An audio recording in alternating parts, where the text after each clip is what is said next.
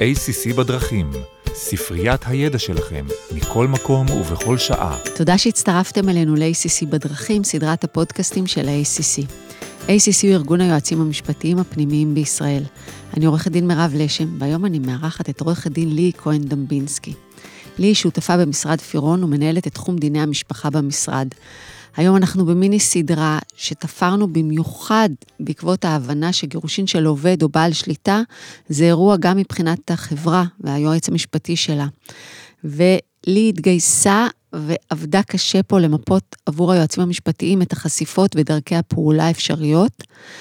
וככה הגענו למיני סדרה עם שלושה פרקים. בפרק הראשון דיברנו באופן כללי על תוכניות תגמול, על הנימוקים שעומדים בבסיס ההכרעה אם התגמול של העובד נכלל בהסדר איזון המשאבים, על המנגנון לקביעת שווי האופציות שמחולקות, כל הדברים האלה דיברנו בפרק הראשון. ובעצם בפרק השני דיברנו על. מתי חברה נכנסת כצד להליך הגירושין, על ההשלכות המיסויות. האפשריות וקצת דוגמאות, והיום אנחנו בפרק המסכם נמשיך עם קצת דוגמאות ונרכז את כל ההמלצות והטיפים ליועצים המשפטיים. אז שלום לי, אני שמחה מאוד לארח אותך שוב באולפן של קובי קלר, ושוב להגיד לך תודה ענקית. תודה, מירב, אני שמחה מאוד להיות פה. לפני שנתחיל disclaimer קצר, הפודקאסט מיועד להעשיר את הידע הכללי שלכם. כל מה שנאמר בפודקאסט הוא בוודאי לא ייעוץ משפטי ולא מחליף כזה. אז כמו שאמרתי, דיברנו כבר על אה, תוכניות תגמול, דיברנו על, על זה שלפי חוק יחסי ממון, בעת גירושין, בן או זוג של עובד זכאי לשווי מחצית מהאופציות שקיבל העובד בזמן החיים המשותפים. בדרך כלל מדובר על תשלום כספי שעובר מידי העובד לבן הזוג שלו, לא בהעברה של חצי מהאופציות בעין. דיברנו על זה שהשאלה המרכזית שמעניינת את הצדדים בהקשר הזה, היא לפי איזה מועד ייקבע שווי האופציות, המועד שהצדדים נפרדו, או המועד שהאופציות מבשילות וניתנות למימוש, או המועד שהחברה נמכרת, האקזיט. בסוף הפרק השני דיברנו על כמה סעדים דרמטיים, כמו מינוי מנהל, שעומדים לצדדים לסכסוך, וגם למדנו ש... סכסוך בחברה משפחתית זה גם מגיע לדיני משפחה, וזה משפיע כמובן על היום-יום של חברה. ואני ממשיכה להיות מוטרדת מהדחייה של האיזון למועד מאוחר. יש לזה כמובן היגיון כלכלי ועסקי, אבל החשיפה לסיכון שמשהו ישתבש נמשכת בעצם שנים עד להבשלה, והסיכון הוא של שני הצדדים, לאו דווקא של בן הזוג של העובד. האם יש איזה פתרון במקרים מסוימים להקדים את האיזון? האם מותר לבעל המניות לבצע דיספוזיציה במניות לפני השלמת איזון המשאבים וחלוקת הרכוש? אני חושבת שנתחיל עם זה. אז שאלה כזו עלתה במקרה שנדון בבית הדין. אה, כשאני אומרת בית הדין, אני מתכוונת בית הדין הרבני. אה, אישה תבעה לקבל את מחצית... זה בסדר להגיד פה, השם. אה, אישה תבעה לקבל את מחצית הזכויות בחברה שהקים בעלה במהלך הנישואין, וקיבלה מבית הדין הרבני צו שאסר על הבעל לעשות דיספוזיציה במניות עד להשלמת איזון המשאבים וחלוקת הרכוש, מחשש שהזכויות של האישה ייפגעו. הליכי הגירושין התמשכו, ובחלוף הזמן הבעל הגיש בקשה להתיר לו בכל זאת למכור את המניות לצד ג'. לטענת הבעל הוא מצא עבודה כשכיר בחברה אחרת, שהתנתה את קבלתו לעבודה בכך שהוא ימכור את מניותיו, כי מדובר בחברות מתחרות. בית הדין הרבני נענה לבקשת הבעל, אבל הורה לו להפקיד את התמורה ממכירת המניות בחשבון נאמנות עד לסיום הליכי הרכוש בין בני הזוג. האישה לא קיבלה את ההחלטה הזו והגישה ערעור, וטענה שלא היה מקום להתיר לבעל למכור את המניות משלוש סיבות. האחת, שמחצית המניות בכלל שייכות לה על פי חוק יחסי ממון, והבעל לא רשאי למכור אותן בלי הסכמתה. בנוסף, היא העלתה את החשש שעיתוי המכירה באמצע הליך הגירושין נפגע בזכויות שלה. למשל, אם הבעל למכור את המניות שלו בפחות מהשווי הריאלי, או שהוא יטען בסוף ההליך שאין לו מספיק כספים לשלם את החלק שמגיע לה. והנימוק השלישי היה שיש לערוך בין הצדדים איזון של כל הזכויות, מכל המקורות השונים במקשה אחת, ולא לחלק כבר עכשיו את המניות בנפרד. עכשיו, אני רוצה לחדד פה נקודה. יש שגיאה בסיסית ונפוצה לעניין הזכויות שמגיעות לבן זוג בסיומם של נישואין. התפיסה הכללית זה שלא משנה איך רשומות הזכויות ברכוש מבחינה פורמלית, כי ממילא כל מה שנצבר במהלך הנישואין הוא משותף. עכשיו, התפיסה הזאת היא, מוט... היא טעות יסודית. לאופ... ואני אומרת את זה פה גם לטובת יועצים משפטיים שמלווים חברות ופחות מעורים בצד של דיני משפחה. לאופן הרישום קיימת משמעות קריטית. כאשר הזכויות רשומות על שם שני בני הזוג כבר במהלך הנישואין, שניהם בעלי זכויות קנייניות בנכס או במניות. והמשמעות היא שפריט הרכוש הספציפי לא צריך איזון או חלוקה בעת הגירושין, למעט במקרים יוצאי דופן. אבל כאשר הזכויות רשומות על שמו של אחד מבני הזוג, הנטל על בן הזוג האחר הוא כפול. לא זאת בלבד שהוא נדרש לתבוע את הכללת הזכויות באיזון המשאבים שנערך עם סיום הנישואין, אלא שבסופו של יום הוא זכאי לקבל לכל היותר את שווי הזכויות האלה בכסף ולא במניות או זכויות בעלות. זה מאוד משמעותי. מאוד, מאוד משמעותי. זאת עצה, תנעצו אותה, זה חשוב ל... מאוד. הרש... טוב. במקרה הספציפי הזה שדיברנו עליו, בגלל שהאישה הייתה זכאית לקבל מחצית מערכן אה, בכסף של המניות בסוף הליך הגירושין, היא לא הייתה יכולה למנוע מהבעל למכור את המניות שהיו אה, וייוותרו בבעלותו גם אחרי הגירושין, בכל מקרה. בתנאי כמובן שהובטח שהאישה לא תיפגע כלכלית. ובמקרה שלנו בית הדין נקט במספר צעדים שהגנו על האישה. למשל, הוא וידא שהמניות נמכרות במחיר ריאלי. בנוסף, הוא הורה לבעל להחזיק את התמורה בחשבון נאמנות לטובת בת הזוג עד לחלוקת כל הרכוש, ולכן קם נטל כבד מאוד על האישה לשכנע שהדרישה שלה למניעת המכר היא מוצדקת, בפרט לאור הטענה של הבעל שסיכול המכירה יפגע בפרנסה החדשה שלו. אם זה היה רשום על שמה, אז אה, זה היה סיפור אחר. המצב היה אחר, כן. אנחנו נזכור את החידוד הזה בסוף הפודקאסט הזה, שהוא הפודקאסט המסכם שלנו, ונתייחס לעניין כחלק מהטיפים. בכל זאת נשארה עוד שאלה שמטרידה אותי.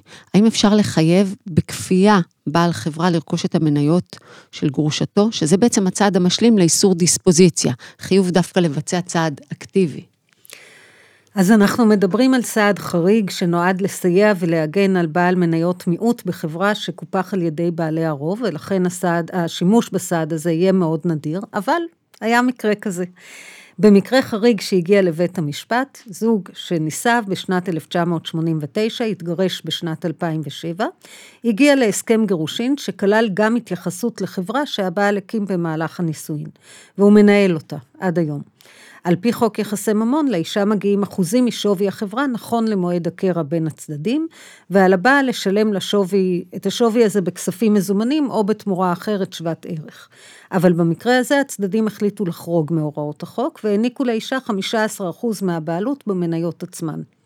בנוסף, הסכם הגירושין קבע הסדר, לפיו אם בתוך שלוש שנים לא תבוצע הנפקה של מניות החברה לציבור, לבעל תהיה זכות ראשונים לרכוש את המניות מהאישה בשווי שמומחה יקבע, ואם הוא לא ירצה לממש את זכותו, האישה תוכל למכור את המניות לצד ג'. ההסכם נחתם, אבל לא מומש, כי הצדדים ניהלו ביניהם הליכים משפטיים ביחס לתוקף ולפרשנות שלו, ובשנת 2014 בית המשפט מינה מומחה להערכת שווי המניות שהאישה עדיין מחזיקה. מתברר שאם הצדדים היו פועלים על פי הוראות חוק יחסי ממון, הבעל היה צריך לשלם לאישה בעת הגירושין סך של 15% משווי החברה במועד הקרע, שעמד אז על כ-4.7 מיליון שקל. זאת אומרת כ-700 אלף שקלים. אבל במועד הסכם הגירושין השווי כבר טיפס ל-14.3 מיליון יו. שקל. בשנת 2009, כאשר הבעל יכול היה לממש את זכות הראשונים שלו לפדות את מניות האישה, השווי היה 39 מיליון שקלים. ובשנת 2014, תחזיקי טוב, בעת שמונה המומחה, 80 מיליון שקלים.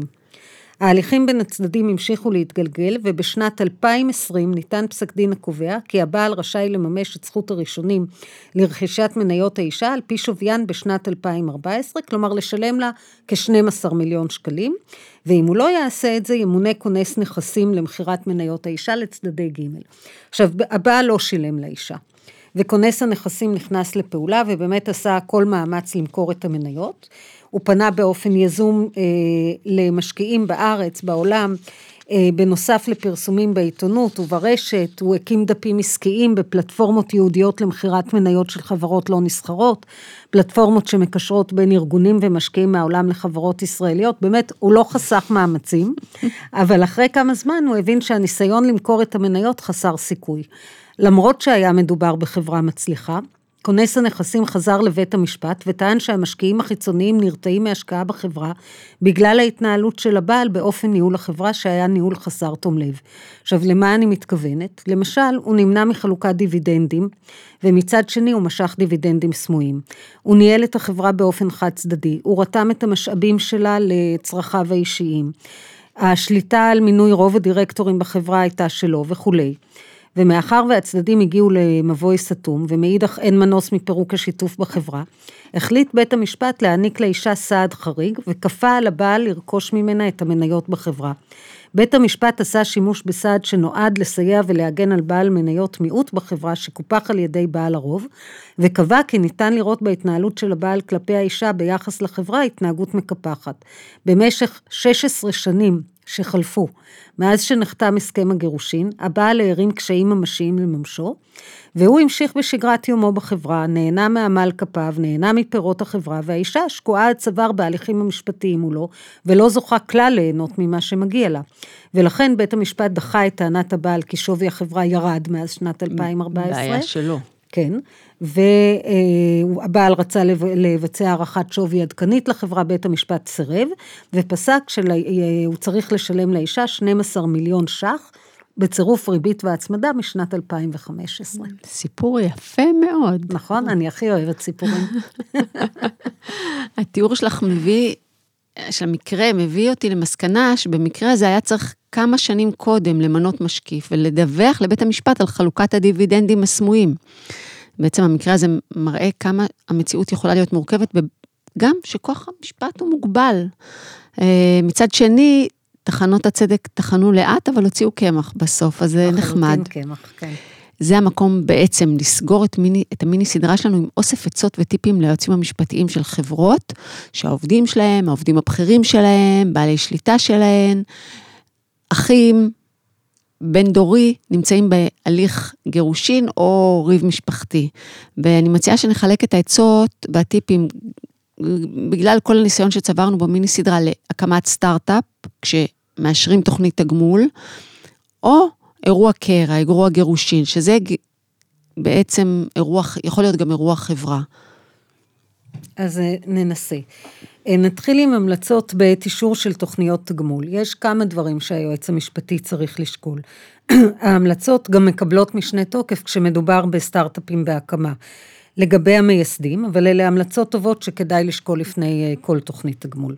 כמובן שלא ניתן ליישם אותן פרקטית בכל מקרה בגלל ההתנגדות של המוטבים, אבל בכל מקרה ההמלצה שלי עבור היועמ"שים זה להעלות את הנושאים האלה לדיון. כדי שההחלטה תהיה החלטה מודעת אחרי שהנושא נשקל, והייתי ממליצה כמובן לתעד את ההחלטות בעניין, כי יכול להיות שיהיה צורך להידרש להן בהמשך.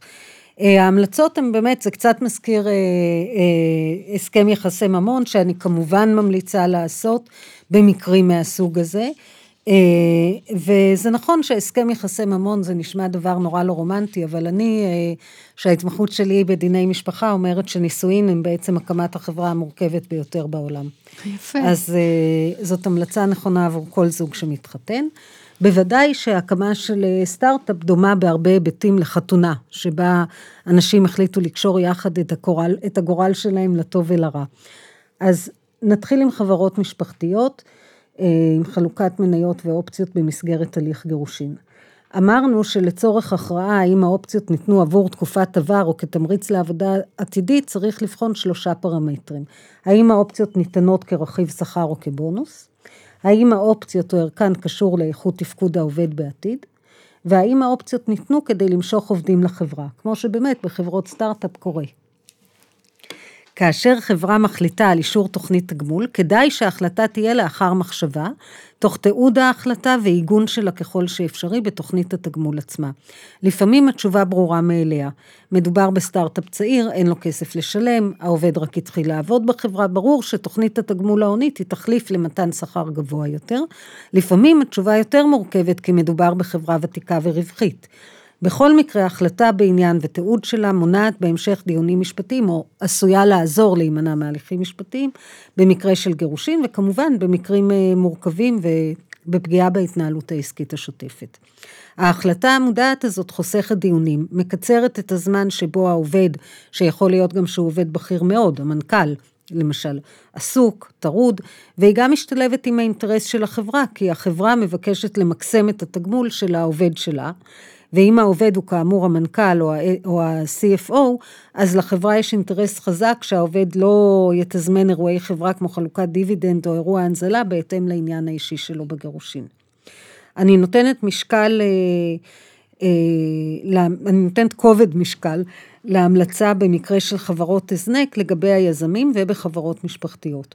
בחברות משפחתיות נכון להסדיר את היחסים בין כל בני המשפחה ובני הזוג שלהם, כדי להבטיח בהמשך התנהלות עסקית שקטה, גם אם קורה אירוע של גירושין בין בני המשפחה, אה, אירוע של סכסוך בין בני המשפחה, או אירוע של גירושין בין אה, אחד מבני המשפחה לבני הזוג שלהם.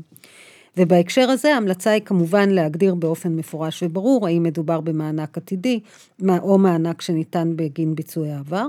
כמובן שלא מספיק לתת הצהרת בלפור כזאת בתוך תוכנית תגמול, צריך לעגן אותה גם בתנאים עתידיים, כמו עמידה ביעדים מסוימים. אה, שזה יכול להיות הוכחה אה, אובייקטיבית לזה שזה היה אמור להיות, שזה, שזה תגמול עתידי. זה כבר, זה כבר כן. משהו שקורה אחרי הגירושין. זה לא משהו שבן או בת הזוג שותפים לו. אה, המלצת העל שלי, ככל שהדבר אפשרי, מעבר להסכם ממון, שזו המלצת העל שלי, זה לוודא שבת הזוג מודעת לתנאים של תוכנית התגמול ולהחתים אותה על התוכנית.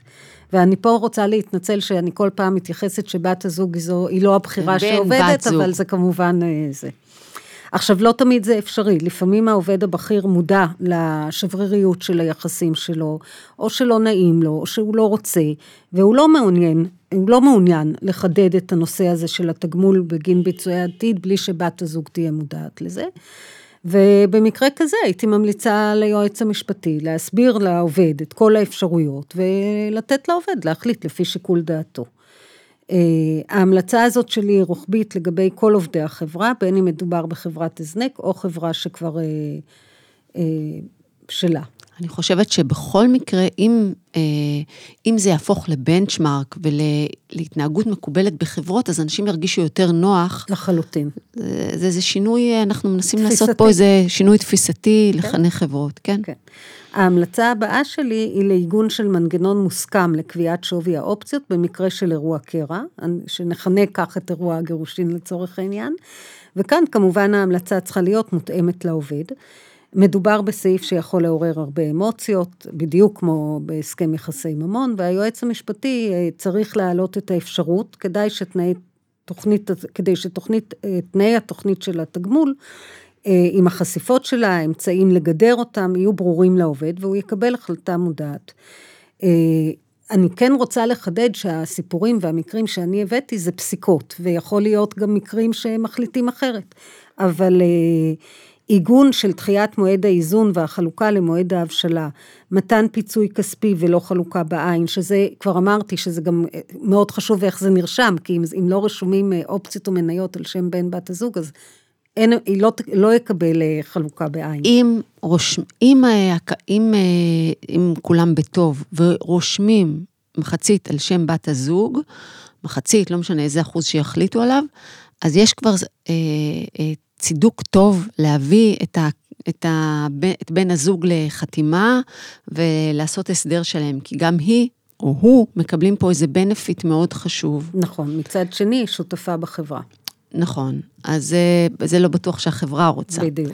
ועוד דבר שאני שואלת את עצמי לגבי הסדר המיסוי, הרי אמרנו שבשביל לעמוד בהחלטת המיסוי שזה לא יהיה אירוע מכירה, mm-hmm. זה צריך להיות חלק מפסק הדין של הגירושין. נכון. אבל עדיין אפשר להכניס תנאים בתוכנית התגמול, כדי שההגעה לזה תהיה יותר... אה, קלה. כן. כן. אז לגבי הסדר, אה, מה את אומרת לגבי הסדר המיסוי? יכול להיות עמידה בתנאים... בתנאים להכרה בכך שקבלת המניות בעין לא תהווה אירוע מכירה. זאת אומרת, העברת מניות אגב הליך הגירושין. אה, הצהרה של בן הזוג כי הוא ייכנס בקרות האירוע בנעלי העובד לעניין יום הרכישה המקורי והמחיר המקורי. כבר בתוך תוכנית התגמול זה כן, הצהרה, כן. כן. וכל אלה יכולים לסייע לכל הצדדים בעת גירושין. כמובן שאם מחליטים לבחור בחלופה הזאת, אז גם בן או בת הזוג צריכים לבחור, אה, לחתום על התוכנית ולאשר אותה. אה, אם מתקבלת החלטה לעגן מנגנון של אירוע קרע בתוך תוכנית התגמול, אז הייתי מוסיפה גם את האפשרות של החברה לרכוש את המניות, וכוללת מנגנון מוסכם למכירה, לקביעת שווי, להפקדת התמורה שמגיעה לבן הזוג בחשבון נאמנות וכולי, עד לחלוקה של כל הרכוש. הייתי קובעת גם אפשרות, לפיה ככל שהחברה יוצאת לסבב גיוס שכולל הנזלת אופציות של עובדים, האופציות שמשויכות לבן הזוג יועברו אקסלרציה, כלומר הם יבשילו לפני הזמן, ימומשו ויימכרו כחלק מהסבב, זאת אפשרות טובה לכולם. החברה נפטרת, כן, במרכאות, מהעננה של בן הזוג, העובד ובן הזוג מקדימים את מועד האיזון, וגם בן הזוג מרוויח על הדרך שווי אמיתי לאופציות אה, שנקבע מול משקיעים. זאת בעצם סוכריה מאוד טובה, שיכולה להוות אה, אה, קרש, קפיצה, לכל העובדים שלא נעים להם להביא את ההסדר בפני בני הזוג שלהם.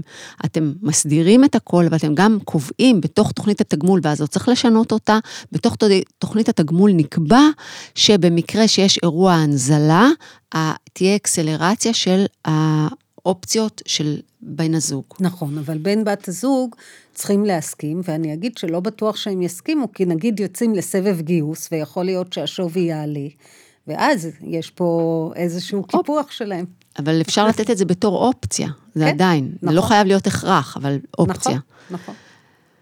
טוב, תודה רבה. אני חושבת שצריך להגיד ברור ומפורש בהקמת חברה, בבניית תוכנית תגמול, תתייעצו עם מומחים. זה, זה, זה, זאת עצת העל שלי. Saying. כן. בפודקאסטים 38-9-40, הקלטנו מיני סדרה עם נועה ברום על סכסוכים בהייטק. ואני מרגישה שזה משהו שפתאום משלים מנקודת מבט חדשה. שהוזנחה פה וסוף סוף מקבלת את המקום המגיע לה.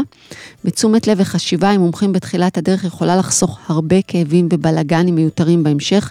זה נכון בעיניי גם להסכמי ממון, אבל זאת כבר שאלה רחבה יותר על החיים וחורגת מגבולות הגזרה שלנו. אני חושבת שהקלטנו בזכותך masterpiece, ואני מחכה להיפגש איתך כבר בפודקאסט הבא, תחשבי מיד על נושא. בשמחה, ואני מבטיחה שנתראה.